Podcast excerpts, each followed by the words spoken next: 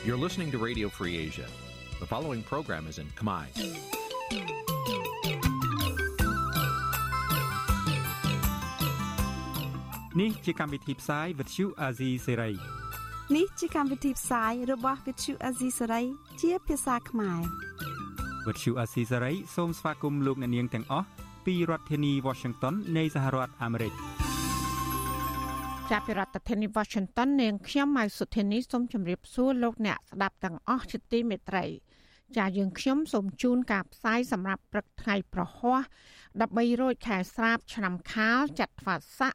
ពុទ្ធសករាជ2566ហើយដល់ត្រូវនឹងថ្ងៃទី25ខែសីហាគ្រិស្តសករាជ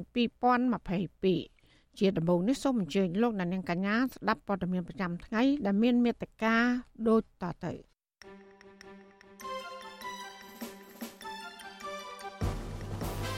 អ្នកប្រាស្រ័យបណ្ដាញសង្គមសង្ស័យពីប្រភពទ្រព្យសម្បត្តិរបស់លោកអុកញ៉ាលេងនវត្រា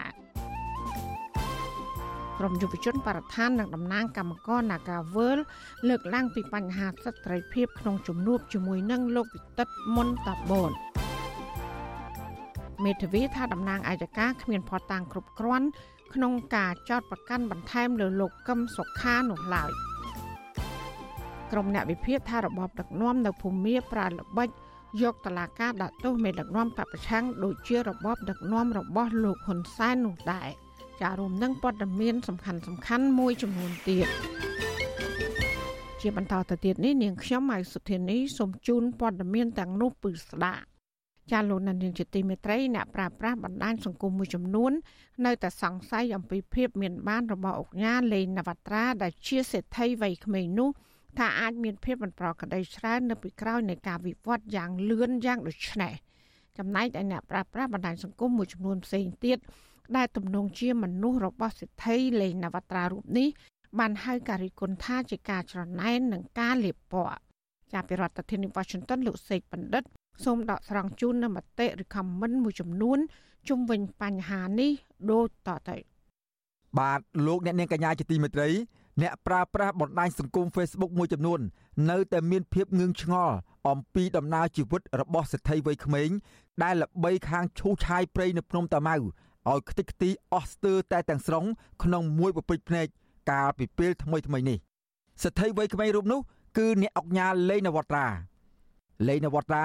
ក៏ធ្វើឲ្យមហាជនបើកភ្នែកធំធំដែរអំពីការវិវត្តខ្លួនលឿនដោយភ្លេចបន្ទូពលគឺពីពលករធ្វើការនៅកូរ៉េ ទៅជាសិទ្ធិមានប្រាក់វ៉លលានដុល្លារនិងកែប្រែវាសនាឬខ្សែជីវិតរបស់ខ្លួន បានលឿនដូចទេវតាជប់ប្រការនេះហើយដែលធ្វើឲ្យសាធារណជន មានមន្ទិលជាច្រើន ដែលពិបាកឲ្យពួកគាត់ជឿទុកចិត្តម្ចាស់កេរនី Facebook មួយឈ្មោះថាមុនប៉ារ៉ាឌីសគាត់បានដាក់ជាចម្ងល់សួរទៅមហាជនថា ពលករធ្វើការនៅកូរ៉េសោះខ្លាចជាសទ្ធិដែលមានទេបងប្អូន ចំណែកម្ចាស់កេរនី Facebook មួយទៀតឈ្មោះសាមឌីកុកបានកោតសរសើរចំពោះអ្នកអុកញ៉ាវ័យក្មេងរូបនេះដោយសរសេររៀបរាប់យ៉ាងដូចនេះថា ឆ្នាំ2014គាត់មានលុយត្រឹមតែ11000ដុល្លារទេ រយៈពេល4ឆ្នាំ គឺពីឆ្នាំ2014ដល់ឆ្នាំ2018លុយគាត់បានកើនដល់20លានដុល្លារ សុំសរសើរសុំសរសើរសុំដាក់រហស្សនាមគាត់ថាសេដ្ឋីជែកម៉ាទី2ហ្មងទៅ ចំណែកឯម្ចាស់កេរនី Facebook មួយទៀតឈ្មោះចក្រភពខ្មែរគាត់បែរជាអត់ជឿទៅវិញគាត់អត់ជឿថាក្មេងប៉ុណ្ណឹងមានលុយអីដល់ម្លឹងទេ ចំណែកម្ចាស់កេរនី Facebook មួយទៀតឈ្មោះសឹមសែមបានចេញមុខជួយបកស្រាយចម្ងល់ដែលទំនងជាចង់ឌឺដងចេះគាត់បានប្រាប់ហើយ ថាគាត់ជួយរែកដីឪពុកគាត់ នឹងធ្វើពលករនៅកូរ៉េលាក់នឹងលាក់ទោះជាមានការបកស្រាយយ៉ាងលម្អិតពីអ្នកអុកញ៉ាលេងនវត្រានិងអ្នកប្រើប្រាស់បណ្ដាញសង្គម Facebook ដូចគ្នាយ៉ាងណាក្តីក៏ម្ចាស់កេរនី Facebook មួយឈ្មោះពិសីសេងនៅតែមិនជឿគាត់សរសេរបញ្ចេញមតិជុំវិញរឿងនេះដែរថា ស្រុកខ្មែរក្រ បើរកស៊ីដោយសុចរិតទៀងត្រង់មិនងាយមានទ្រព្យសម្បត្តិស្ដុកស្ដំបែបនេះនោះទេ ចំណែកអ្នកប្រើប្រាស់បណ្ដាញសង្គមមួយចំនួនផ្សេងទៀត ដែលទំនងជាមនុស្សរបស់សេដ្ឋីលេងនវត្រាក៏បានចេញមុខបកស្រាយនិងឆ្លើយតបជំនួសលេងនវត្រាដែលមានចំនួនច្រើនដូចទឹកបាក់ទំនប់ដោយគ្រប់គ្រងនិងការពីភាពស្របច្បាប់របស់អង្គការលេងនវត្រាក៏ប៉ុន្តែការបញ្ចេញមតិយោបល់ឬ comment ទាំងនោះហាក់មានភាពស្រដៀងស្រដៀងគ្នាច្រើនម្ចាស់កេរនី Facebook មួយឈ្មោះអារុនយុនបានឆ្លើយតបថា ខ្ញុំគិតថាអ្នករស់ស៊ីនៅស្រុកខ្មែរគ្មានអ្នកណាល្អជាងអង្គការលេងនវត្រានោះទេគាត់បានជួយសង្គមនិងអភិវឌ្ឍជាតិលុយវ៉លលានដុល្លារធ្វើឲ្យអង្គការផ្សេងទៀតចេញមុខមកជួយទាំងលានទាំងលានដុល្លារតាមគាត់ដែរចំណែកម្ចាស់កេរនី Facebook ឈ្មោះបងប្រោនបានបន្តថាវាពិតជាមានភាពអយុត្តិធម៌ពិតមែនសម្រាប់អ្នកអង្គការដែលមនុស្សមួយចំនួនមើលមិនឃើញពីចំណុចល្អ និងការខិតខំអភិវឌ្ឍរបស់គាត់បែរជាមកចោទប្រកាន់រិះគន់បែបជន់ពលិចបែបនេះសួរថារាល់ថ្ងៃនេះអ្នករិះគន់ទាំងនោះបានធ្វើអ្វីជួយជាតិឲ្យរីកចម្រើនខ្លះនៅតែបើមកជន់ពលិចគេវិញមានមុខគ្រប់ពេល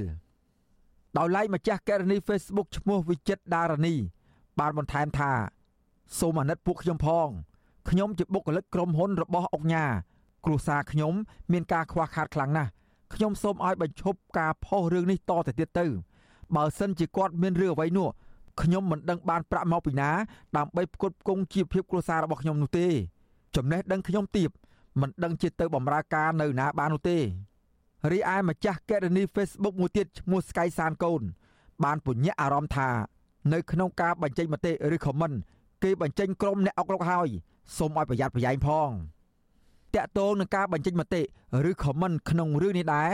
ម្ចាស់កេរនី Facebook មួយឈ្មោះខ្ញុំថាកុំកុំបានលើកឡើងថាកុំយកបុគ្គលិកដែលគ្នាមិនដឹងអីយកមកធ្វើជាខែការពារនោះអីគេធ្វើការឲ្យលោក លោកត្រូវតែគិតគូរប្រាក់ខែឲ្យគេអញ្ចឹងហើយចង់និយាយថាលោកខំឈូសឆាយព្រៃឈើយកប្រាក់ចំណេញដើម្បីបើកប្រាក់ខែចិញ្ចឹមបុគ្គលិកមែនទេដោយឡែកម្ចាស់កេរនី Facebook មួយទៀតឈ្មោះយ៉ាន់សំណាង បានសរសេរដែរថាក្រោយពីខ្ញុំបានចូលទៅអានខមមិនឬការបញ្ចេញមតិមួយចំនួនមកខ្ញុំនឹកឃើញហួសចិត្តហើយអស់សំណោចនិងសញ្ជឹងគិតឃើញថាស្រុកខ្មែរធ្លាក់ដល់ស្ថានភាពបែបហ្នឹងណោះគឺត្រឹមត្រូវហើយព្រោះប្រជាពលរដ្ឋយើងភ័យច្រើន មើលឃើញតែទង្វើដែលគេធ្វើឲ្យមើលឃើញស្រាប់នឹងភ្នែកតែបើជាមិនសូវគិតគូរពិចារណាទៅលើអង្គហេតុក៏ដូចជាដើមចមនៃការបង្កើតព្រឹត្តិការណ៍អ្វីមួយឲ្យកើតឡើងនោះទេ មើលឃើញតែដើមហេតុដែលជាមលុបតែបែរជាមើលមិនឃើញប្រភពនៃឫសគល់រីឯម្ចាស់កេរនី Facebook មួយទៀតឈ្មោះពិសិដ្ឋឯកបានចូលរួមជាមតិដែរតែហាក់ព្យាយាមទាញចេញមកផ្លូវកណ្ដាលវិញថាធម្មតាការអភិវឌ្ឍតែងតែមានការប៉ះពាល់និងសងមកវិញនៅហេដ្ឋារចនាសម្ព័ន្ធថ្មី មានផ្លូវគឺមានសង្ឃឹមមានភ្លើង មានទឹក មានផ្ទះដូចជាមានជីវិត មានដី ដូចជាមានក្របពេជ្រ តែបើការអភិវឌ្ឍនោះមានតែផលប៉ះពាល់គ្មានប្រយោជន៍រួមគ្មានការអភិវឌ្ឍនៅក្នុងសហគមន៍ទេនោះទើបវាមិនសមនឹងការអភិវឌ្ឍដែលបំរើឲ្យប្រជាពលរដ្ឋដោយឡែកម្ចាស់កេរនី Facebook ឈ្មោះសុកខឿនខឿនបានបញ្ចេញទស្សនៈដែរថាមិនបាច់ដោះសារទេឆ្កែកន្ទុយខ្វៀននៅតែខ្វៀនដដែលហ្នឹងវាមិនខ្វះទេកន្លែងធ្វើការអភិវឌ្ឍនោះ នៅទល់ដែនខ្មែរនិងវៀតណាមណោមានច្រើនណាស់បើស្នេហាជាតិពិតប្រាកដមែន ឬមួយក៏មិនហ៊ានជាមួយនឹងវៀតណាមរីឯម្ចាស់កេរនី Facebook មួយទៀតឈ្មោះញិកសារ៉ុនវិញ បានដាក់ជាសំណួរថាអត់កន្លែងអភិវឌ្ឍទេអីទៅនឹកឃើញអភិវឌ្ឍនៅតំបន់អភិរក្សសត្វព្រៃចេះរោគនឹកឃើញហ្មង ទៅអភិវឌ្ឍនៅកន្លែងណា ដែលវាមិនប៉ះពាល់ដល់ធនធានធម្មជាតិនិងសត្វព្រៃទៅដឹងហើយថាស្រុកយើងរងការបំផ្លិចបំផ្លាញធ្ងន់ធ្ងរទៅលើផ្នែកធនធានធម្មជាតិនិងសត្វព្រៃ តែនៅតែត្បល់ទៅរកតែអាខាងនឹងទៀតអត់យល់ស្រុកខ្មែរទីផ្សារខ្លាំងពេកពូកែតែអាខាងបំផ្លាញខ្លួនឯងដល់ពេលគេថាតាំងប៉ះពាល់អារម្មណ៍ចូលទូអីណា ត្រូវគិតថាបញ្ហាផ្ដើមចេញពីដាមកស្របពេលជាមួយគ្នានេះដែរម្ចាស់កេរនី Facebook ឈ្មោះ Linda Linda បានឆ្លើយតបថាបើអភិវឌ្ឍកន្លែងដីស្រែរបស់ប្រជាពលរដ្ឋគឺត្រូវចំណាយលុយទិញដីអស់ច្រើនពេក បើអភិវឌ្ឍនៅលើដីព្រៃវាអស់លុយតិចជាង ពួកនេះហាមុននឹងចុះធ្វើការងារបានគិតគូររួចទៅហើយថាធ្វើទៅលើដីមានព្រៃឈើវាចំណេញបានលុយច្រើនហើយចំណាយតិចម្ចាស់ករណី Facebook ឈ្មោះម៉ាក់ប្រាវបន្តថាបើប្រជាជនមិនងើបឡើងបញ្ចេញមតិតវ៉ានោះទេម្លេះខ្ទេចខ្ទីដូចខ្ទឹមជ្រក់បាត់ទៅហើយតើមុននឹងធ្វើអុកញ៉ាមានគិតខ្លះទេថា នេះមិនមែនជាសម្បត្តិគេដូនតារបស់អស់លោកទេ គឺជាសម្បត្តិជាតិជាគេមរតកខ្មែរបើចង់អភិវឌ្ឍគឺអភិវឌ្ឍកន្លែងដីទំនេរឲ្យវាកើតឡើងទៅរីឯម្ចាស់ករណី Facebook ឈ្មោះវៀតកំពត មានទស្សនៈថានេះពួកអាចោស្របច្បាប់ ជួយជាតិឯងតំបន់គម្របព្រៃឈើនៅបន្ទាយស្រីជិត2200ហិកតាត្រូវបានคล้ายជាដីឡូព្រៃភ្នំតាម៉ៅក៏រលាយក្នុងចេតនាដីឡូនេះដែរ ហើយគេថាជួយជាតិម្ចាស់កេរនី Facebook មួយទៀតឈ្មោះជាជីវបានចាត់ចំណាត់ថ្នាក់អង្គការស្រុកខ្មែរដោយគាត់បានបង្ហាញថា នៅកម្ពុជា មានអង្គការច្រើនប្រភេទដូចខាងក្រោម1អង្គការក្រិតក្រម2អង្គការសន្សំ3អង្គការបន្លំ4អង្គការ500ដុល្លារ5អង្គការឈោឈ្មោះម្ចាស់កេរនី Facebook ដដែលក៏បានលើកឡើងចំចំថា លោកលេងនវត្រា កំពុងតែពេញនិយមណាស់ក្នុងការលាងលុយកខ្វក់ឲ្យគ្រួសារត្រកូលហ៊ុនក៏ប៉ុន្តែទោះយ៉ាងណា សមាជិកត្រកូលហ៊ុននិងជាបេក្ខជននាយករដ្ឋមន្ត្រីនាពេលអនាគតរបស់បកកណ្ដាលអំណាចគឺលោកហ៊ុនម៉ាណែត បានចេញមុខច្រានចោលចំពោះការចោទប្រកាន់បែបនេះតាក់ទងនឹងរឿងរ៉ាវនេះដែរម្ចាស់ករណី Facebook ឈ្មោះជូចសុន បានសម្ដែងការតូចចិត្តថាពលរដ្ឋជំពាក់បំណុលធនាគារវ៉ាន់ក ក្ររកតែ100ដុល្លារឬ1ដុល្លារដាក់ក្នុងផ្ទះសឹងមិនបានផង តែបើអ្នកមានស្រុកខ្មែរមានមានកប់ពពកលួយចាយមិនអស់ពាក្យថារះមានមុនរត់មានលបលយកអីរះក្រចង់ងាប់ចំណែកម្ចាស់ករណី Facebook មួយទៀតឈ្មោះសានហងបានព្យាករថា ពេលវេលារំកិលទៅមុខក្រុមហ៊ុនលើកបន្ទប់គង់តែដល់ថ្ងៃបិទនោះទេ បាទចំណែកម្ចាស់ករណី Facebook ដែលខ្ញុំបាទលើកយកមកចុងក្រោយនេះមានឈ្មោះថាហេងសុកហេងគាត់ថាពួកនេះពូកែខាងដោះសារនិងបដិសេធណាស់ជាពិសេសគឺច្រានចោលតែអ្វីដែលសំខាន់នោះគឺបើមានការដឹកនាំថ្មីអ្វីអ្វីនឹងត្រូវបានលាតត្រដាងយ៉ាងច្បាស់ក្រឡែតជាមិនខានឡើយខ្ញុំបាទសេកបណ្ឌិតវុទ្ធុអាស៊ីសេរីពីរដ្ឋធានីវ៉ាស៊ីនតោន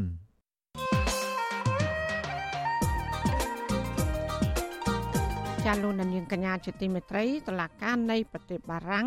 នឹងបើកសវនាការជំនុំជម្រះរឿងក្តីមួយរវាងលោកសំរងស៊ីនិងលោកហ៊ុនសែននៅថ្ងៃទី1ខែកញ្ញាខាងមុខនៅក្រុងប៉ារីសប្រទេសបារាំងចានេះគឺជាលើកទី1ហើយដែលតឡាការបារាំងបើកសវនាការកាត់ក្តីលោកសំរងស៊ីតាមពាក្យបណ្ដឹងរបស់លោកហ៊ុនសែនលោកហ៊ុនសែននៅកូនប្រសាគឺលោកឌីវិជាកាលពីថ្ងៃទី20ខែសីហាឆ្នាំ2019 បានប្តឹងលោកសំរងស៊ីទៅតុលាការប្រទេសបារាំងពីបទបរាហាគេចំពោះការដែលលោកសំរងស៊ីចោទលោកហ៊ុនសែនថាជាអ្នករៀបចំផែនការសម្លាប់លោកហុកឡងឌីលោកសំរងស៊ីប្រាប់បច្ចុប្បន្នស៊ីស្រីថាលោកនឹងឡើងទៅតតាំងក្តីនៅតុលាការដោយផ្ទាល់រីឯភាគីដើមចោតវិញគឺលោកហ៊ុនសែននិងមានតំណាងមេធាវីបារាំងចំនួន4រូបលោកសំរងស៊ីអះអាងថាការឡើងសវនាការតតាំងក្តីជាមួយលោកហ៊ុនសែននេះ គឺជាឱកាសដ៏កម្រមួយសម្រាប់ឲ្យលោកនិងក្រុមមេធាវីលាតត្រដាងប្រតិលាការបារាំងនៅអំពើអក្រិតកម្មនានាដែលលោកសំរងស៊ីបានចោទលោកហ៊ុនសែនថាជាអ្នកប្រព្រឹត្តនិងមានការប៉ុនប៉ងសម្រាប់រូបលោកជាច្រើនលើកច្រើនសារព្រមទាំងប្រាំពើហិង្សាបង្ហូរឈាមលើរូបលោកផ្ទាល់និងមនុស្សដទៃទៀតក្រៅពីនេះថាតើលោកសំរងស៊ីដែលជាភិក្ខុចុងចោតនឹងមានផតាំងអ្វីខ្លះ តាក់ទងទៅនឹងការស្លាប់របស់លោកហុកឡង់ឌីសម្រាប់ឡើងទៅបំភ្លឺនៅតុលាការបារាំងចាសសូមលោកអ្នកនាងកញ្ញារងចាំស្ដាប់ការបកស្រាយដោយផ្ទាល់របស់លោកសំរងស៊ីនៅក្នុងនីតិវេទិកាអ្នកស្ដាប់បច្ចុប្បន្នអសីស្រីនារីត្រីថ្ងៃសុក្រខាងមុខនេះកំបីអខានចាកម្មវិធីនេះគឺសម្រាប់សម្រួលដល់លោកជុនច័ន្ទបុតចាសូមអរគុណ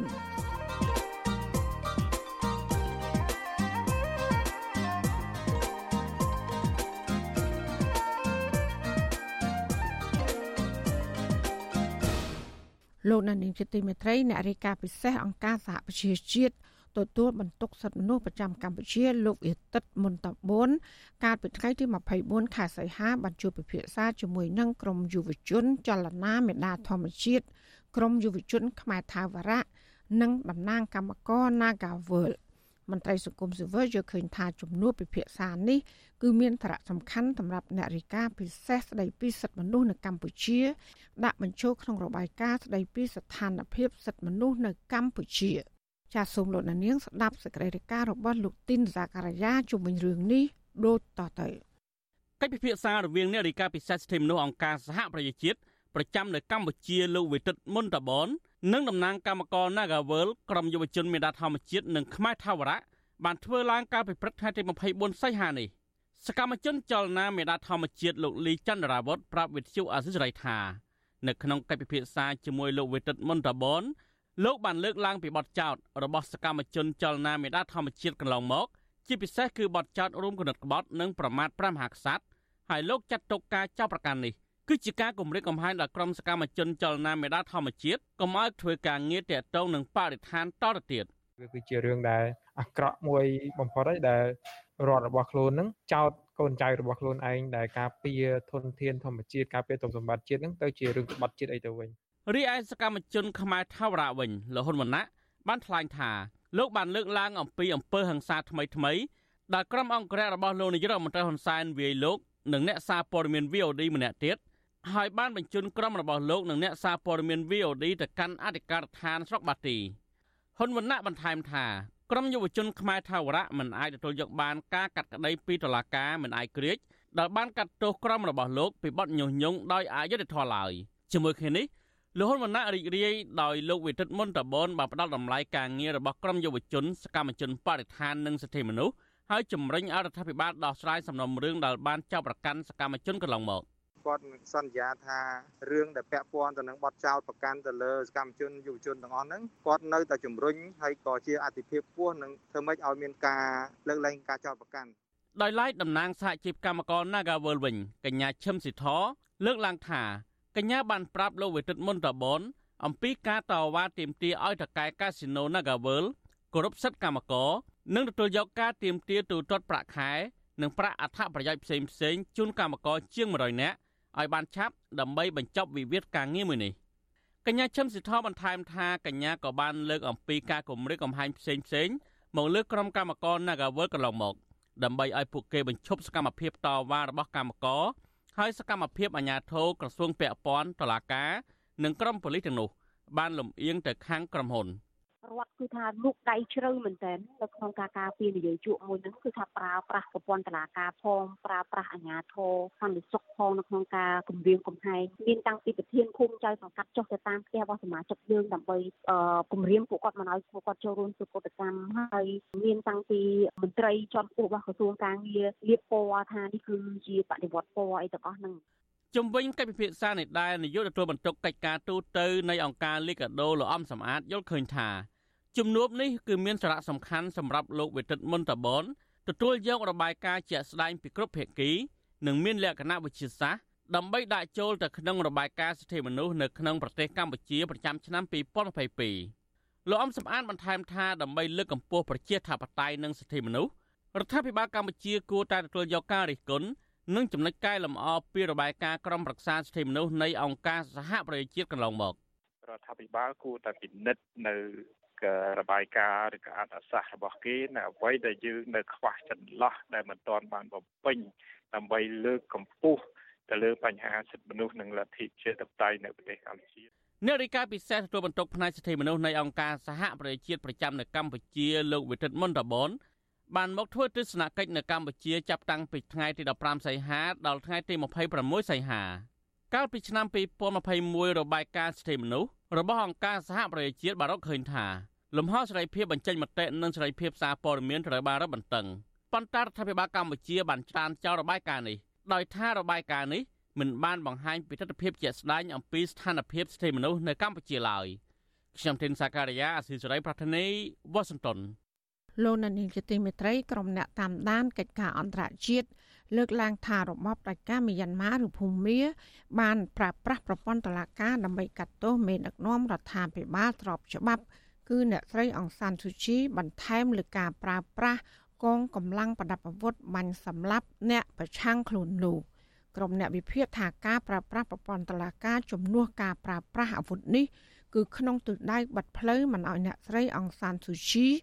អាចវិលចូលឆាកនយោបាយវិញបាន ហើយដែលមិនខុសពីនៅកម្ពុជាដែលលោកនាយករដ្ឋមន្ត្រីហ៊ុនសែនបានបិទផ្លូវលោកសំរងស៊ីមិនឲ្យវិលចូលឆាកនយោបាយនៅកម្ពុជាបាននោះឡើយចាសសេចក្តីរាយការណ៍ពីស្ដាមពីរឿងនេះលោកដានៀងនឹងបានស្ដាប់នាពេលបន្តិចទៀតនេះ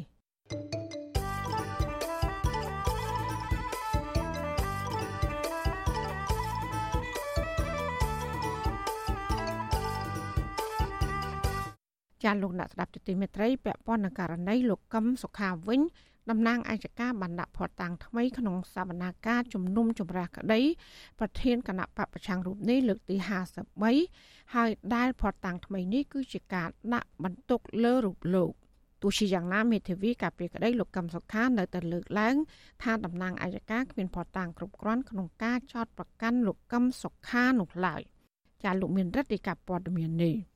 ភ័ស្តុតាងថ្មីដែលតំណាងអัยការដាក់បន្ថែមនៅពេលនេះគឺជាសារសម្លេងរបស់មន្ត្រីជាន់ខ្ពស់គណៈបកសង្គ្រោះជាតិលោកហូវ៉ាន់ដែលមានរយៈពេលជាង1នាទី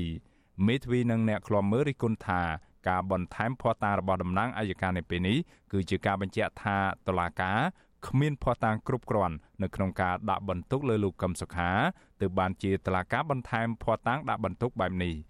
មេធាវីការពីក្តីឲ្យលោកកឹមសុខាម្នាក់ គឺលោកច័ន្ទចេនឲ្យដឹងក្រោយចប់សវនាការថាតំណាងអัยការនៅតែចោទសួរកូនក្តីរបស់លោកពាក់ព័ន្ធទៅនឹងការធ្វើបាតកម្មផ្សេងៗកាលពីឆ្នាំ2013ដែលមិនមែនជាបាតកម្មរបស់គណៈបកសង្គ្រោះជាតិលោកមេធាវីរិះគន់ថាសំណុំរឿងដែលអូបន្លាយពេល75ឆ្នាំមកនេះនៅតែគ្មានការជឿនលឿននិងគ្មានភ័ស្តុតាងដាក់បន្ទុកលើលោកកឹមសុខាគ្រប់គ្រាន់នោះទេ លោកមេធាវីជំរុញឲ្យដោះស្រាយសំណុំរឿងនេះតាមផ្លូវនយោបាយមិនគួរយកតឡាការមកពាក់ព័ន្ធនឹងចំនួននយោបាយបែបនេះទេជាពិសេសរឿងក្តីអាដាមកម្មខាវាមិនមែនជារឿងច្បាប់ទេហើយដោយសាររឿងក្តីនេះវាអ្នកណាគេដឹងដែរសហគមន៍អន្តរជាតិប្រជាប្រដ្ឋខ្មែរដឹងទាំងអស់គ្នាថារឿងនេះជារឿងនយោបាយអញ្ចឹងយើងលើកទឹកចិត្តសូមឲ្យអ្នកនយោបាយសន្ទនាគ្នាជជែកគ្នាចូលលើស្មារតីជាតិបាទបាទខ្ញុំសូមមានយោបល់ប៉ុណ្ណឹងសូមអរគុណ សវនាការលើកទី53នេះនៅតែមានការឆ្លើយឆ្លងគ្នាយ៉ាងតឹងតែង រវាងតំណាងអัยការនិងភៀកគីលោកកឹមសុខាចំណែកតំណាងអង្គទូតមន្ត្រីអង្គការសហប្រជាជាតិនិងមន្ត្រីសង្គមស៊ីវិលបន្តចូលឃ្លាំមើលក្នុងបន្ទប់សវនាការដោយសពមួយដងដែររីឯក្រុមអ្នកគាំទ្រលោកកឹមសុខាប្រមាណ60នាក់បន្តមកឃ្លាំមើលនៅខាងមុខតុលាការអ្នកគាំទ្រលោកកឹមសុខាម្នាក់គឺលោកជុំកុសលដែលទៅសង្កេតការនៅតុលាការ ចង់ឃើញតឡាការដោះលែងលោកកឹមសុខាឲ្យមានសេរីភាពឡើងវិញលោកលើកឡើងដូចនេះព្រោះលោកសង្កេតឃើញថាការចោទប្រកាន់របស់តឡាការនិងភ័ស្តុតាងដែលតឡាការបង្ហាញមិនដូចគ្នានោះទេដឹងជារឿងយោបាយឬរឿងរឿងយ៉ាងម៉េចខ្ញុំមិនដឹងដែរគាត់ថាតែខ្ញុំគាត់ចង់ឆ្លំមើលគាត់មើលចង់មើលកម្មភាពដើម្បីឲ្យចង់ឲ្យចាស់គាត់រួចប៉ុណ្ណានេះ មិនមែនជាលើកទី1ទេដែលមានការរិះគន់នានាថាតឡាកាគ្មានភ័ស្តុតាងគ្រប់គ្រាន់ក្នុងការដាក់បន្ទុកលើលោកកឹមសុខាឆ្លើយតបនឹងការរិះគន់នេះអ្នកនាំពាក្យគណៈកម្មាធិការសិទ្ធិមនុស្សរបស់រដ្ឋាភិបាលលោកកតាអូនលើកឡើងថាมันអាចមានភាគីណាមួយធ្វើការសន្និដ្ឋានជំនួសមុខឲ្យតឡាកាបាននោះទេ លោកបន្តថាសំណុំរឿងលោកកឹមសុខា មានភាពសាមញ៉ាំដូច្នេះហើយតុលាការត្រូវធ្វើការលើសំណុំរឿងនេះដោយភាពប្រយ័ត្នប្រយែងនិងតាមដំណាក់កាលនីមួយៗដោយភាពជាក់លាក់តុលាការគឺមាននីតិវិធីនៃការស៊ើបអង្កេតរបស់ខ្លួនដូច្នេះហើយប្រសិនបើការស៊ើបអង្កេតឬមួយការពមៀនភាពគ្រប់គ្រាន់នៅក្នុងសកម្មកម្មតុលាការត្រូវតែបន្តនីតិវិធីនៃការស៊ើបសួរបន្តទៀតនៃការបន្តការស៊ើបសួរ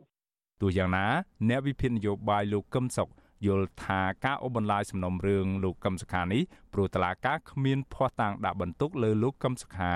លោកបន្តថាលោកហ៊ុនសែននៅតែខ្លាចអត្តពលរបស់លោកកឹមសុខាទើបប្រើប្រាស់តឡាការ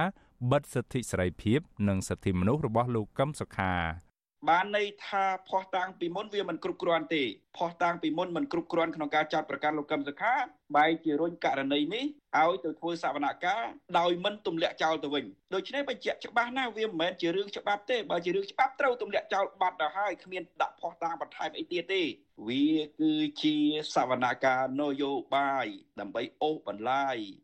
តកតងនៅរឿងនេះដែរមេធាវីកាពីក្តីឲ្យលោកកឹមសុខាម្នាក់ទៀតគឺអ្នកស្រីមេងសុភារី បានលើកឡើងកាពីសវនាការលើកទី52ថា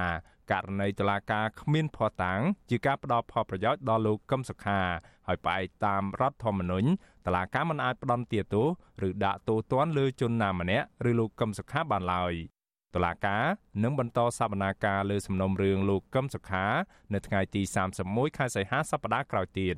លោកកឹមសុខាបានបាត់បង់សិទ្ធិសេរីភាពអស់រយៈពេល75ឆ្នាំមកហើយដោយសាររដ្ឋាភិបាលលោកហ៊ុនសែនបានចោទប្រកាន់ថាមេបកប្រឆាំងរូបនេះខុបខិតជាមួយរដ្ឋបរទេសដើម្បីផ្ដួលរំលំរដ្ឋាភិបាលកម្ពុជាកាលពីឆ្នាំ2017សហគមន៍អន្តរជាតិចង់ឃើញលោកកឹមសុខាដឹកនាំគណៈបកសង្គ្រោះជាតិចូលរួមការប្រកួតប្រជែងការបោះឆ្នោតឆ្នាំ2023ខាងមុខនេះខ្ញុំបាទមេរិត Visual C ស្រីរាយការណ៍ពីរដ្ឋធានី Washington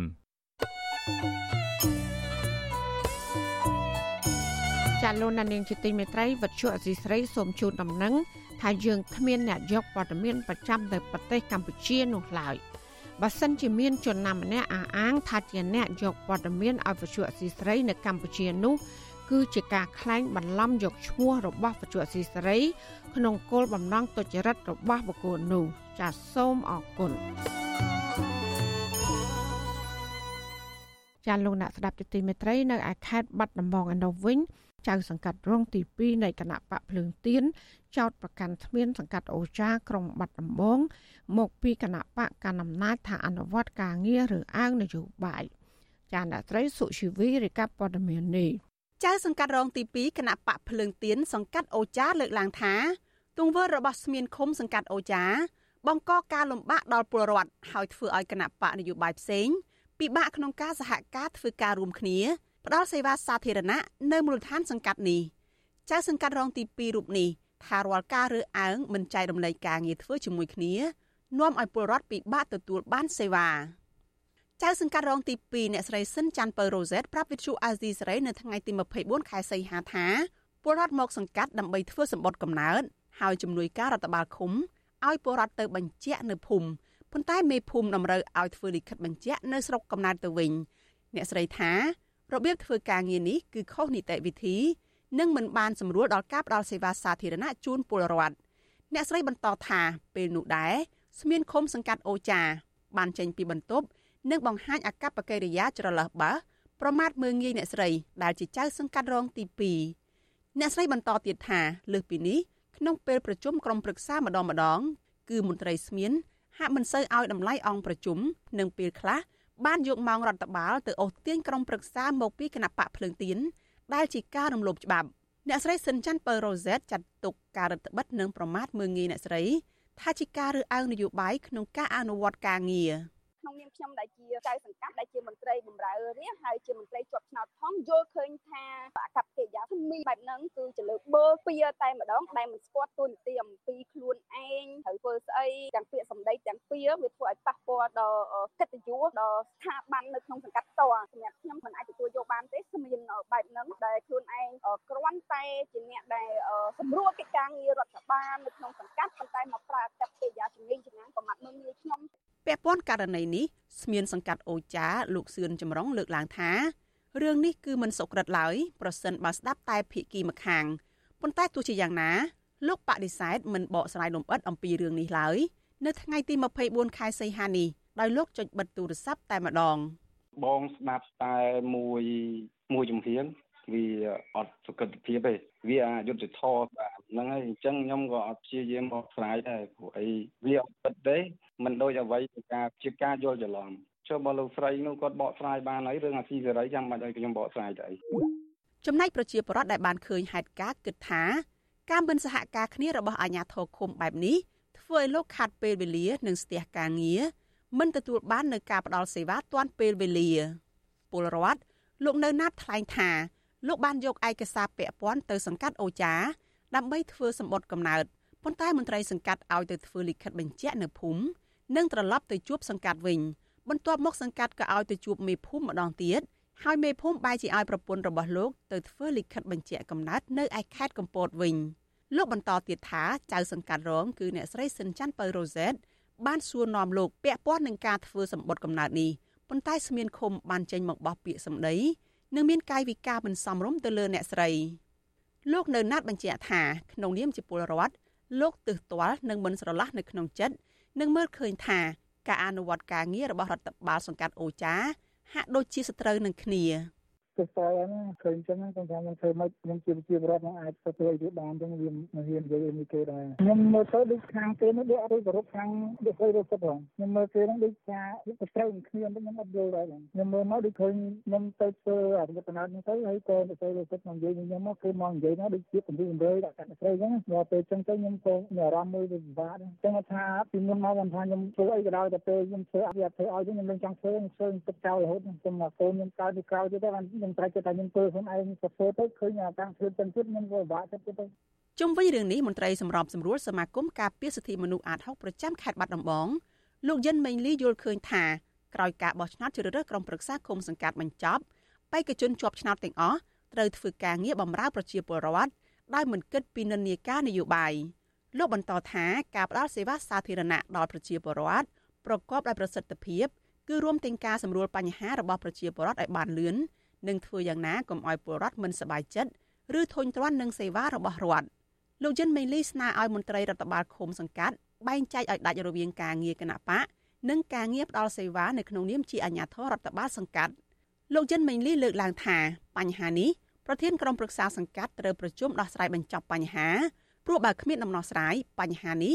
នឹងកើតឡើងដដែលដដែលហើយជាគំរូអាក្រក់ដល់ឃុំសង្កាត់ផ្សេងទៀតនៅទូទាំងប្រទេស។ យើងពិនិត្យមើលទៅលើឋានានុក្រមនៅក្នុងឃុំសង្កាត់នីមួយមួយទោះបីជាស្មានក្តី គឺជាមន្ត្រីរាជការជាមន្ត្រីអភិជាក្រិតមួយ យើងត្រូវបំពេញតួនាទីរបស់ខ្លួនក្នុងនាមជាអ្នកផ្ដល់សេវាឲ្យប្រជាពលរដ្ឋចំណែកក្រមរក្សាឃុំសង្កាត់លោកមានតួនាទី2មួយក្នុងនាមជាមន្ត្រីឃុំសង្កាត់មួយទៀតក្នុងនាមជាមន្ត្រីរបស់គណៈបកនយោបាយក៏ប៉ុន្តែការបោះឆ្នោតពាក់ព័ន្ធនឹងរឿងនយោបាយត្រូវបានបញ្ចប់ពេលនេះនៅក្នុងម៉ោងការងាររដ្ឋបាលយើងអត់ទៅប្រកាន់ថាគាត់នឹងមកពីគណៈបកណាទូនទីអីទេគឺនិយាយអំពីរឿងអ្នកបម្រើប្រជាពលរដ្ឋអ្នកផ្ដល់សេវាដល់ប្រជាពលរដ្ឋបើសិនជារឿងនេះវាជារឿងពិត គឺមានលោកមានបញ្ហាច្រើន ទៅនឹងការរើសអើងនយោបាយហើយប្រជាពលរដ្ឋនិងសង្គមស៊ីវិលអំពាវនាវដល់អាជ្ញាធរសង្កាត់ថាគួរមានដំណោះស្រាយបញ្ហានេះហើយព្យាយាមរួមគ្នាអនុវត្តការងារជូនប្រជាពលរដ្ឋដើម្បីជាការតបស្នងគុណប្រជាពលរដ្ឋជាម្ចាស់ឆ្នោត និងជួយកាត់បន្ថយភាពក្រីក្ររបស់ប្រជាពលរដ្ឋនាងខ្ញុំសុជីវីវិទ្យុអាស៊ីសេរីពីរដ្ឋធានី Washington លោកណានីជាទីមេត្រីសមត្ថកិច្ចខេត្តបរសៃអនុគាត់ខ្លួនជនជាតិចិនចំនួន5នាក់ពាក់ព័ន្ធនឹងករណីចាប់បង្ខាំងស្ត្រីជនជាតិម៉ាឡេស៊ីម្នាក់ដើម្បីចម្រិតទារប្រាក់ចំនួន9000ដុល្លារ ក្រុមអ្នកតាមដានស្ថានភាពនៅកម្ពុជាលើកឡើងថាជនរងគ្រោះដែលត្រូវបានជនជាតិចិនចាប់បង្ខាំងនៅកម្ពុជានេះគឺអាចមានចំនួនច្រើនបន្ថែមទៀតដែលទាមទារឲ្យអាជ្ញាធរស៊ើបអង្កេតដោយតម្លាភាពដើម្បីទប់ស្កាត់អក្រិតកម្មជួញដូរមនុស្សនេះឲ្យមានប្រសិទ្ធភាពចា៎នេះគឺជាសេចក្តីរាយការណ៍របស់លោកសនច័ន្ទរដ្ឋាជំវិញព័ត៌មាននេះស្នងការនគរបាលខេត្តប្រសេនុលោកជុនរិនបញ្ជាក់ប្រាប់វិទ្យុអាស៊ីសេរីថ្ងៃទី24ខែសីហា ថាក្រុមអក្រិតជនជនជាតិចិន5នាក់ដែលធ្វើសកម្មភាពបង្ខាំងស្ត្រីជនជាតិម៉ាឡេស៊ីដើម្បីចម្រិតទារប្រាក់ក្រុមសមត្ថកិច្ចបានបង្ក្រាបកាលពីថ្ងៃទី23ខែសីហាក្រោយពីជនរងគ្រោះបានផ្ដោតដំណឹងតាមបណ្ដាញសង្គមទៅការរដ្ឋមន្ត្រីក្រសួងមហាផ្ទៃលោកសខេងឲ្យជួយអន្តរាគមន៍លោកជួននរិនអះអាងទៀតថាសមត្ថកិច្ចកំពុងចាប់ខ្លួនជនជាតិចិនចំនួន2នាក់បន្ថែមទៀតដែលជាជនសង្ស័យកំពុងរត់គេចខ្លួនលោកជួននរិនបានដឹងទៀតថាស្ត្រីរងគ្រោះជនជាតិម៉ាឡេស៊ី បានប្រាសមត្ថកិច្ចថានាងត្រូវបានជន់ជាចិនមួយក្រុមបានខត់ខ្លួនតាំងពីថ្ងៃទី7ខែសីហាលោកថាក្រោយមកទៀតនាងត្រូវបានជន់ជាចិនមកខាងទុកក្នុងអគារក្នុងខេត្តផ្សេងនោះដែលបង្ខំឲ្យផ្ទេរប្រាក់ចូលគណនីធនាគាររបស់ក្រុមអក្រិតជនចំនួន70000ដុល្លារហើយក្រុមអក្រិតជនឆោបោកជន់ជាចិនទៅនោះនឹងយកនាងដើម្បីលក់បន្តឲ្យក្រុមហ៊ុនផ្សេង។ យើងកំពុងតែសួរ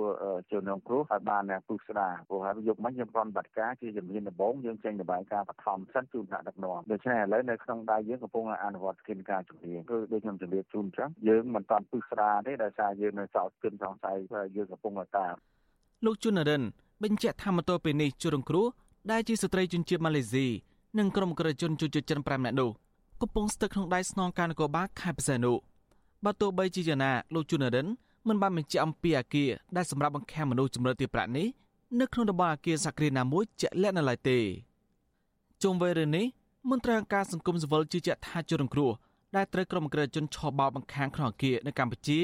អាចមានចំនួនរាប់រយនាក់បន្ថែមទៀត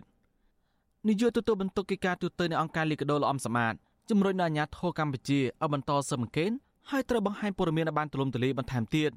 ដើម្បីបង្ហាញទៅកាន់សហគមន៍ជាតិអន្តរជាតិថារដ្ឋាភិបាលកម្ពុជា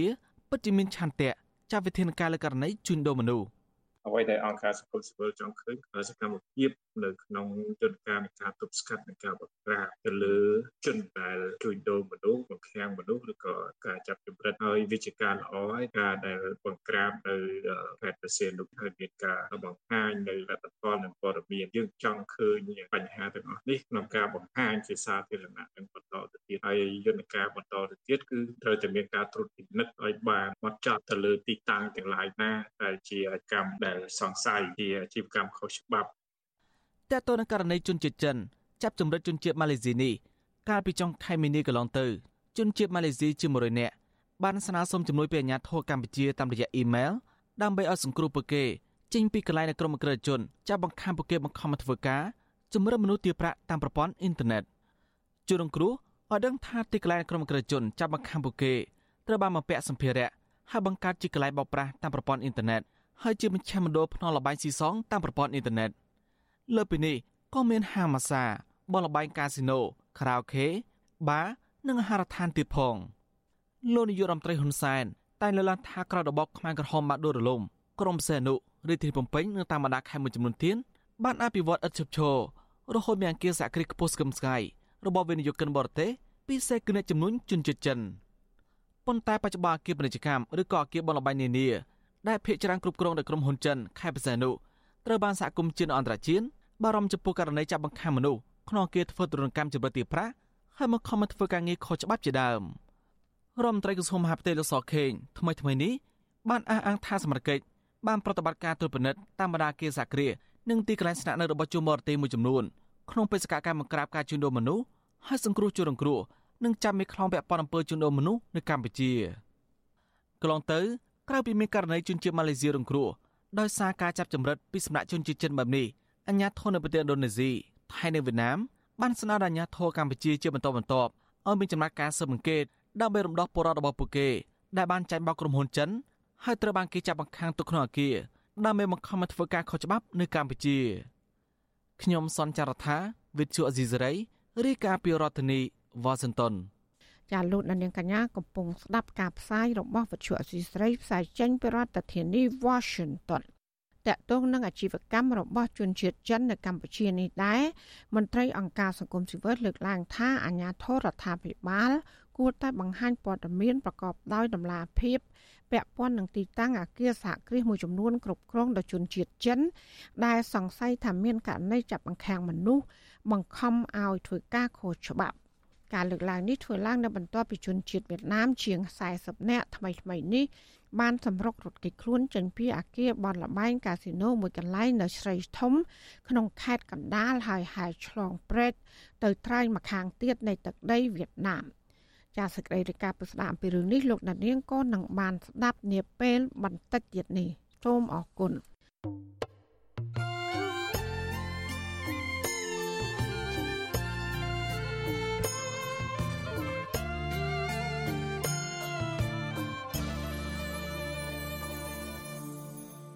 លោកនានីជាទីមេត្រីក្រុមអ្នកតាមដានកិច្ចការអន្តរជាតិលើកឡើងថារបបដាច់ការមីយ៉ាន់ម៉ាឬភូមាបានប្រើប្រាស់ប្រព័ន្ធតុលាការដើម្បីកាត់ទោសមេដឹកនាំរដ្ឋាភិបាលទ្របច្បាប់ គឺអ្នកស្រីអង្សានស៊ូជីបន្ថែមលើការប្រើប្រាស់កងកម្លាំងប្រដាប់អាវុធបាញ់សម្លាប់អ្នកប្រឆាំងខ្លួនលោកក្រុមអ្នកវិភាគថាការប្រើប្រាស់ប្រព័ន្ធតុលាការជំនួសការប្រើប្រាស់អាវុធនេះ គឺក្នុងទិសដៅបាត់ផ្លូវមិនឲ្យអ្នកស្រីអង្សានស៊ូជីអាចវិលចូលឆាកនយោបាយវិញបាន ហើយដែលមិនខុសពីនៅកម្ពុជាដែលលោកនាយករដ្ឋមន្ត្រីហ៊ុនសែនបានបិទផ្លូវលោកសំរងស៊ីមិនឲ្យវិលចូលឆាកនយោបាយនៅកម្ពុជាបាននោះឡើយ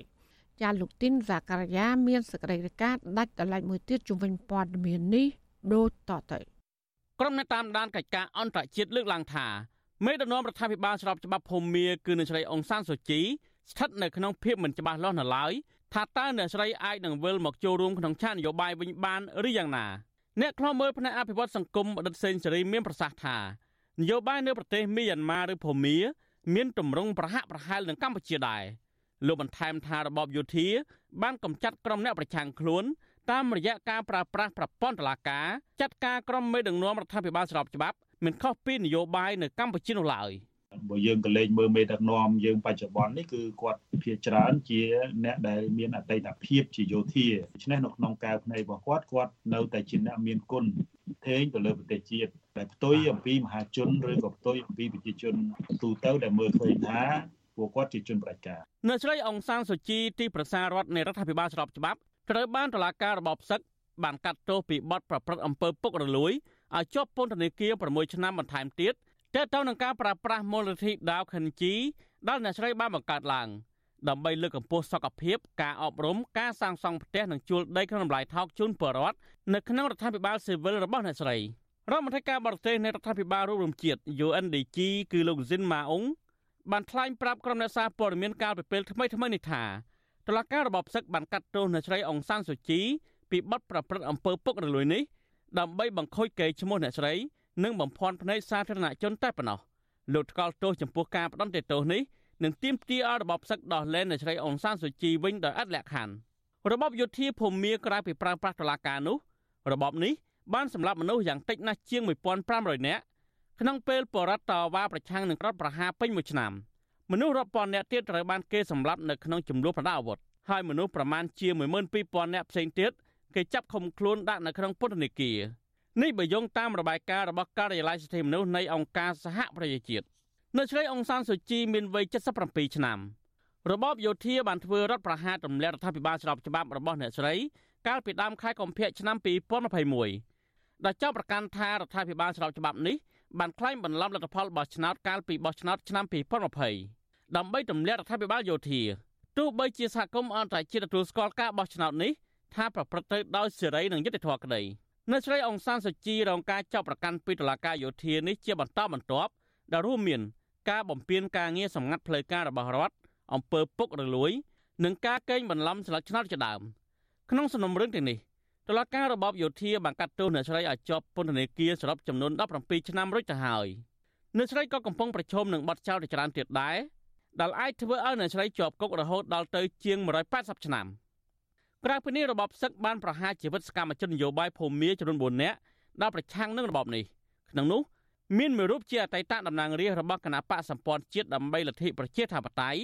របស់អ្នកស្រីអង្សានសូជីនិងមួយរូបទៀតជាមេដឹកនាំចលនាងើបបះបោប្រឆាំងនឹងរបបផ្ដាច់ការភូមាមិនខុសគ្នាប៉ុន្មាននោះទេនៅកម្ពុជាវិញតឡាការរបបលហ៊ុនសែនបានកាត់ទោសឲ្យមេដឹកនាំគណៈបកប្រឆាំងលោកសំរងស៊ីក្នុងសំណុំរឿងជាច្រើនដូចគ្នា ក្រោយពីរបបឯកបកបានរំលាយគណៈបកសង្គ្រោះជាតិកាលពីឆ្នាំ2017លោកសំរងស៊ីបញ្ជាក់ថាលោកស្ទើរតែមិនចាំថាសំណុំរឿងរបស់លោកដែលតឡាការរបបឯកបកបានចាប់ប្រកាន់នោះថាមានចំនួនប៉ុន្មាននោះទេ តែលោកអះអាងថាតុលាការបានផ្តន្ទាទោសលោកឲ្យជាប់ពន្ធនាគារសរុបជាង100ឆ្នាំរួចទៅហើយតើតើនឹងបញ្ហានេះលោកមរិតសេនស៊ូរីលើកឡើងថាក្រុមមេដឹកនាំយោធាផ្ដាច់ការនៅក្នុងតំបន់អាស៊ាន មានលំនាំដឹកនាំប្រទេសប្រហាក់ប្រហែលគ្នា ដូចជាថៃភូមានិងកម្ពុជាជាដើមលោកបន្ថែមថាក្រុមមេដឹកនាំទាំងនេះប្រើប្រាស់តុលាការជាឧបករណ៍ដ៏សំខាន់ដើម្បីបង្ក្រាបដៃគូប្រកួតរបស់ខ្លួន។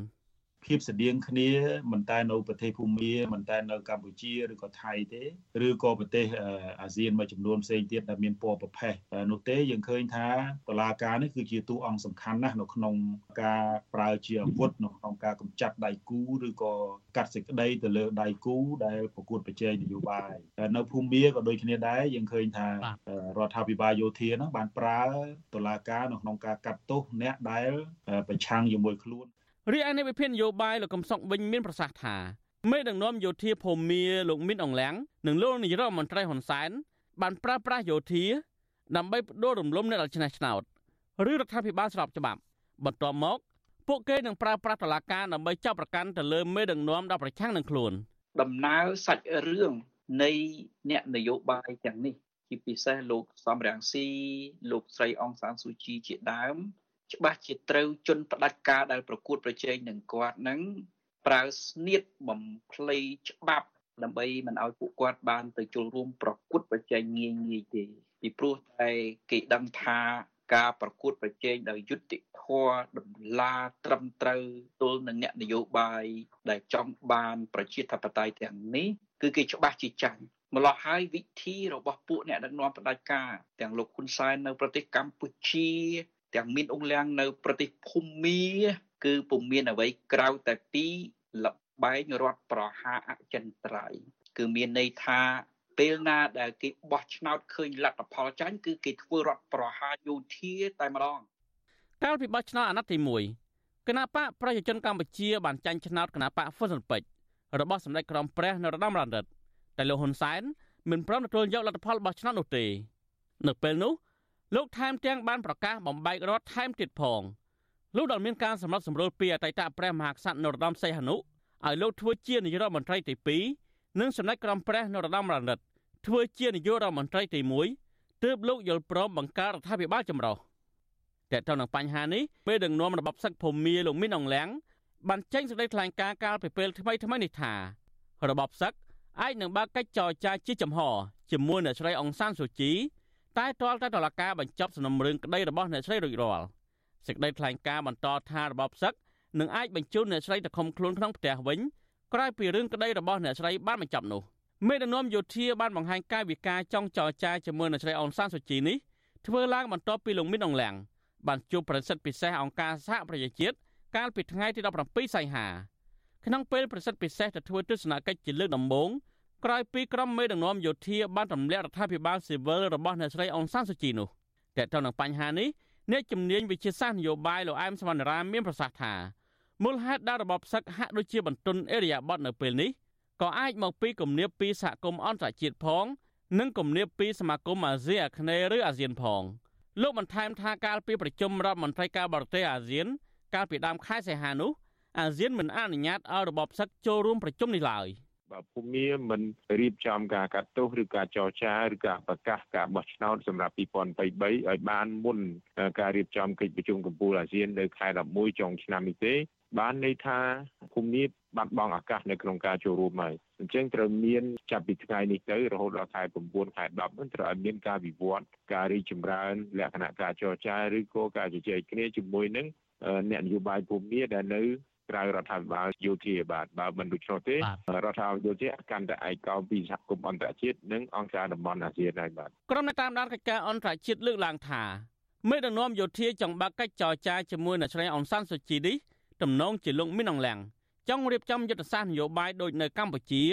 ដើម្បីបើកផ្លូវឲ្យរបបសឹកអាចរៀបចំការបោះឆ្នោតបាននៅពេលខាងមុខក៏ប៉ុន្តែនឹងគ្មានវត្តមានអ្នកស្រីអង្សានសុជីនៅក្នុងឆាកនយោបាយភូមិមាទៀតឡើយ។ ដែលមានចំណងតុលាការបានផ្ដន្ទាទោសអ្នកស្រីរាប់សិបឆ្នាំនោះក៏ប៉ុន្តែផែនការនេះអាចមិនសន្មតថាអ្នកស្រីអនសាសុជីនឹងយល់ព្រមឡើយក្រុមអ្នកតាមដានកិច្ចការអន្តរជាតិលើកឡើងថាវិបត្តិនយោបាយនៅភូមិនេះអាចនឹងអស់បន្លាយតទៅទៀតប្រសិនបើរបបសឹកនៅតែប្រើប្រាស់ប្រព័ន្ធតុលាការដើម្បីដាក់ទោសទណ្ឌមេដឹកនាំរដ្ឋាភិបាលស្របច្បាប់ឬមិនបើកផ្លូវឲ្យអ្នកស្រីអង្សានសុជីអាចវិលចូលឆាកនយោបាយបានវិញទេនោះខ្ញុំធីនសាការីយ៉ាអស៊ីសេរីប្រធានី វ៉ាស៊ីនតោន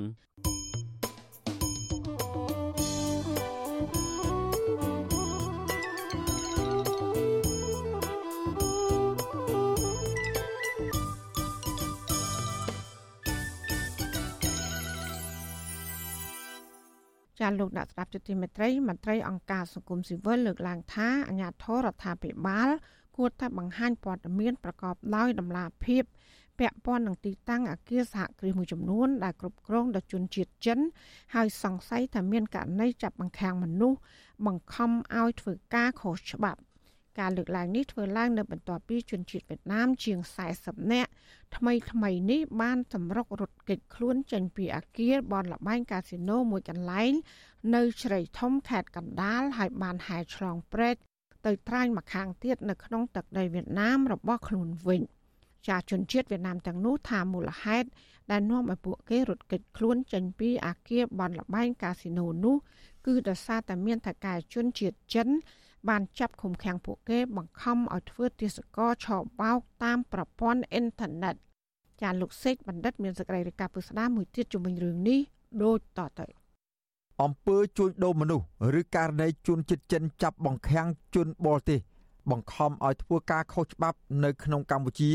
ហាក់កំពុងល្បីល្បាញខ្លាំងនៅក្នុងរយៈពេលប្រមាណខែចុងក្រោយនេះ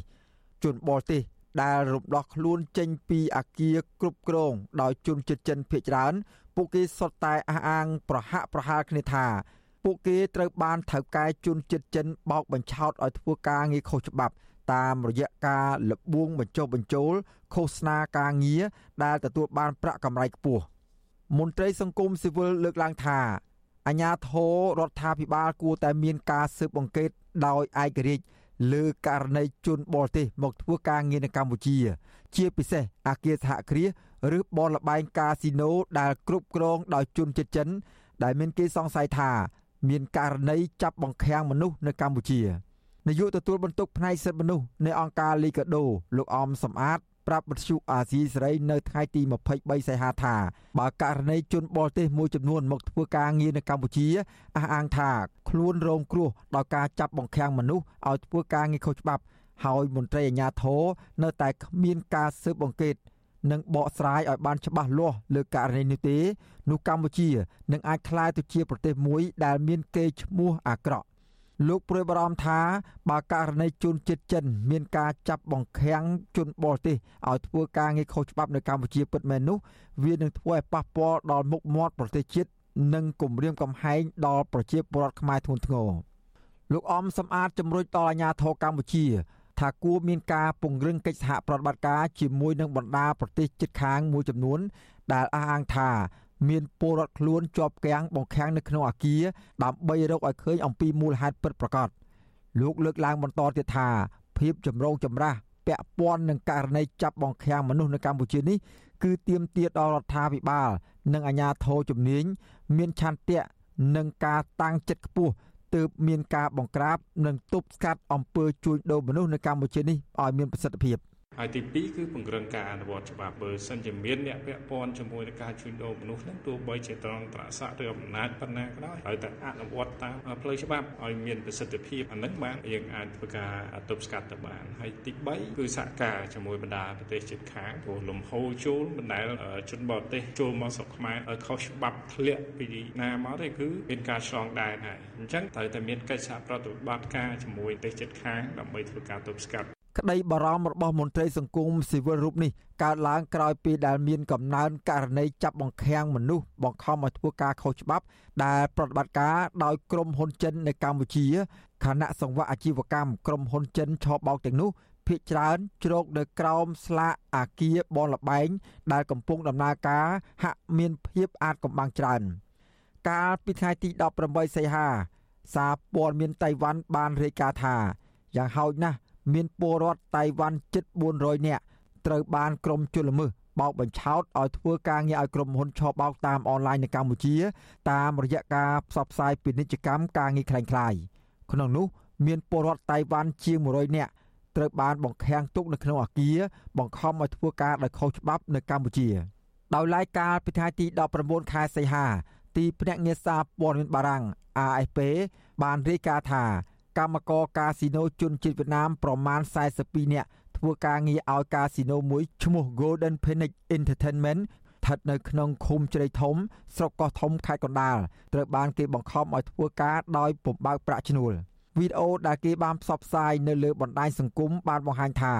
កម្មករជនជាតិវៀតណាមទាំងនោះបានរត់ចេញពីអគារក្រុមហ៊ុនចិនដោយទឹកមុខរបស់ពួកគាត់ហាក់មានភាពតក់ស្លុតដោយទឹកមុខរបស់ពួកគាត់ហាក់មានអារម្មណ៍តក់ស្លុតនិងភ័យខ្លាច។ ជាងនេះទៅទៀតភ្លាមភ្លាមក្នុងពេលដែលជនជាតិវៀតណាមទាំងនោះ បានរត់គេចខ្លួនចេញពីកាស៊ីណូមួយឈ្មោះ Golden Phoenix Entertainment របស់ជនជាតិចិន និងក្រុមសន្តិសុខក៏បានទាញបំពង់ដែកនិងដំបងដេញវាយទៅលើជនជាតិវៀតណាមទាំងនោះបណ្ដាលឲ្យរងរបួសមួយចំនួនទៀតផងជនជាតិវៀតណាមទាំងនោះបានបង្ខំចិត្តសម្រុករត់គេចចេញពីទីតាំងកាស៊ីណូដោយបានលោតចូលក្នុងទឹកស្ថិតនៅក្នុងតំបន់ព្រែកបិនយីហើយហែលឆ្លងទៅត្រើយម្ខាងនៃប្រទេសវៀតណាម។ ក្នុងនោះមានជនជាតិវៀតណាមម្នាក់បានស្លាប់ពេលដែលកំពុងហែលទឹកចាក់ចេញពីកម្ពុជាសម្ដៅទៅស្រុកកំណើតវិញកម្មករជនជាតិវៀតណាមដែលរំដោះខ្លួនចេញពីអាគារក្រុមហ៊ុនចិននៅកម្ពុជា បានអះអាងប្រាប់អាជ្ញាធរនិងប្រព័ន្ធផ្សព្វផ្សាយនៃប្រទេសពួកគេថា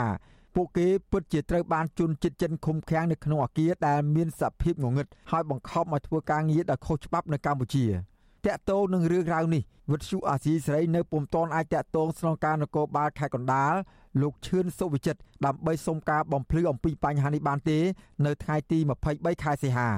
ចំណែកអភិបាលខេត្តកណ្ដាលលោកគង់សុភ័ណ្ឌ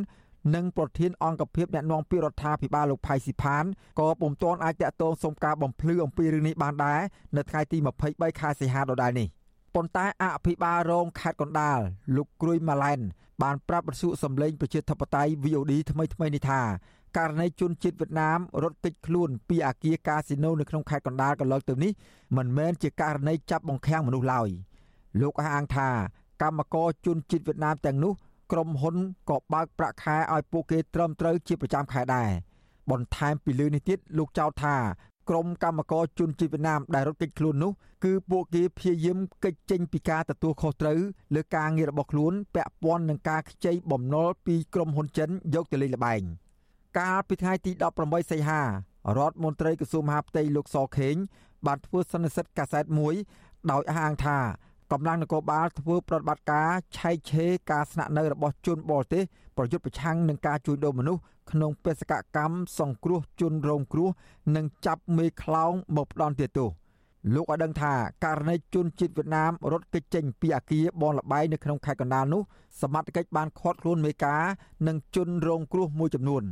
លោកថានៅខេត្តបរសេនុក៏ដូចគ្នាដែរសមត្ថកិច្ចកំពុងតែត្រួតពិនិត្យលើការស្នាក់នៅរបស់ជនបរទេសទាំងនោះ ហើយមានអ្នកខ្លះបានអះអាងថាខ្លួនជាជនរងគ្រោះដែលសមត្ថកិច្ចពិនិត្យជាក់ស្ដែង គឺមានជនជាតិអាមេរិកខ្មែរអាមេរិកាំងនិងជនជាតិឥណ្ឌូនេស៊ីជាដើមស្ថានភាពខ្លះมันពិតទាំងស្រុងទេប៉ុន្តែខ្លះក៏ពិតដែលយើងសង្គ្រោះបេសកកម្មរបស់យើង ទី1យើងសង្គ្រោះជនរងគ្រោះហើយទី2គឺយើងចាប់មេខ្លោងពាក់ព័ន្ធដើម្បីយករងគ្រោះទោសតាមប្រតិបត្តិលោកសខេងបញ្ជាក់ទៀតថាចំពោះអ្នកដែលហែលទឹកទៅប្រទេសវៀតណាមនោះ ប្រហែលជាពួកគេ មកធ្វើការដោយខុសច្បាប់នៅកម្ពុជាក៏ប៉ុន្តែពេលមកដល់ជជែកមិនត្រូវរូវគ្នាលើកិច្ចសន្យាការងារក៏នាំគ្នារត់ចេញទៅវិញដោយហែលឆ្លងព្រែកទៅខាងប្រទេសវៀតណាមវិញជុំវិញរឿងនេះដែរអ្នកនាំពាក្យសមាគមការពារសិទ្ធិមនុស្សអាត6លោកសឹងសានករណាមានប្រសាសន៍ថា ករណីជនជាតិវៀតណាមរត់គេចខ្លួនពីអាគារបនលបែងនៅកម្ពុជានេះអាជ្ញាធរកម្ពុជាគួរតែមានការសិក្សាឲ្យបានស៊ីជម្រៅជាពិសេសត្រូវជជែកពិភាក្សាជាមួយនឹងជនជាតិវៀតណាមទាំងនោះដើម្បីរកឲ្យឃើញបញ្ហាពិតប្រាកដដើម្បីអនុវត្តការងារឲ្យមានប្រសិទ្ធភាព លោកលើកឡើងទៀតថាសារព័ត៌មានអន្តរជាតិធំធំ បានផ្សព្វផ្សាយជាបន្តបន្ទាប់អំពីករណីជួនបរទេសរាប់រយនាក់ត្រូវបានក្រុមជនឆបោកចាប់បង្ខាំងឲ្យធ្វើការងារខុសច្បាប់នៅកម្ពុជាលោកថាបញ្ហានេះបើអាជ្ញាធរនៅតែបន្តបដិសេធដោយគ្មានការស៊ើបអង្កេតជាមុននោះទេនឹងធ្វើឲ្យប៉ះពាល់ដល់មុខមាត់ប្រទេសជាតិ និងធ្វើឲ្យអ្នកវិនិយោគល្អៗនៅកម្ពុជាមានការព្រួយបារម្ភអំពីបញ្ហាសុវត្ថិភាពបន្ថែមទៀតខ្ញុំជឿជាក់ថាសារព័ត៌មានទាំងអស់នោះគេគ្មានហេតុផលអ្វីទៅប្រឌិតព័ត៌មានដើម្បីឲ្យប៉ះពាល់មុខមាត់របស់ប្រទេសកម្ពុជានោះទេបើសិនជាមិនមានករណីបែបនេះកើតឡើងអញ្ចឹងសមាជិកគប្បីមានការបើកការស្រាវជ្រាវឲ្យបានល្អិតល្អន់ហើយបើរកឃើញហើយនឹងគួរតែមានការទប់ស្កាត់និងចាត់វិធានការទៅលើជនទាំងអស់នោះឲ្យខ្លាំងក្លាដើម្បីបង្ហាញទៅសហគមន៍អន្តរជាតិថារដ្ឋាភិបាលកម្ពុជាមិនបាននៅស្ងៀមចំពោះអំពើបង្ខាំងមនុស្សឬក៏អំពើធ្វើទុកបុកម្នេញទៅលើមនុស្សគ្រប់ជាតិសាសន៍ដែលមកកម្ពុជាបែបនឹងទេស្ថាប័នសារព័ត៌មានអន្តរជាតិល្បីៗមួយចំនួន បន្តរាយការណ៍ជាបន្តបន្ទាប់អំពីប្រតិបត្តិការអាជីវកម្មបែបឧក្រិដ្ឋកម្មពាក់ព័ន្ធនឹងការជួញដូរមនុស្សនៅកម្ពុជាស្ថាប័នសារព័ត៌មានអន្តរជាតិមួយចំនួនក៏បានលាតត្រដាងថាអាជីវកម្មទាំងនោះភាគច្រើនកំពុងគ្រប់គ្រងដោយក្រុមហ៊ុនចិន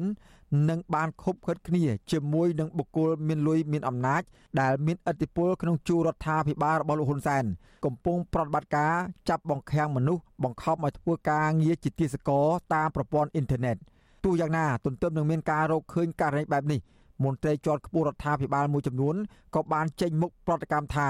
ប្រព័ន្ធផ្សព្វផ្សាយរបស់ស្ថាប័នសារព័ត៌មានអន្តរជាតិទាំងនោះជាយុទ្ធនាការរបស់ក្រមបកប្រឆាំងទៅវិញខ្ញុំបាទសេកបណ្ឌិត វិទ្យុអាស៊ីសេរីពីរដ្ឋធានីវ៉ាស៊ីនតោន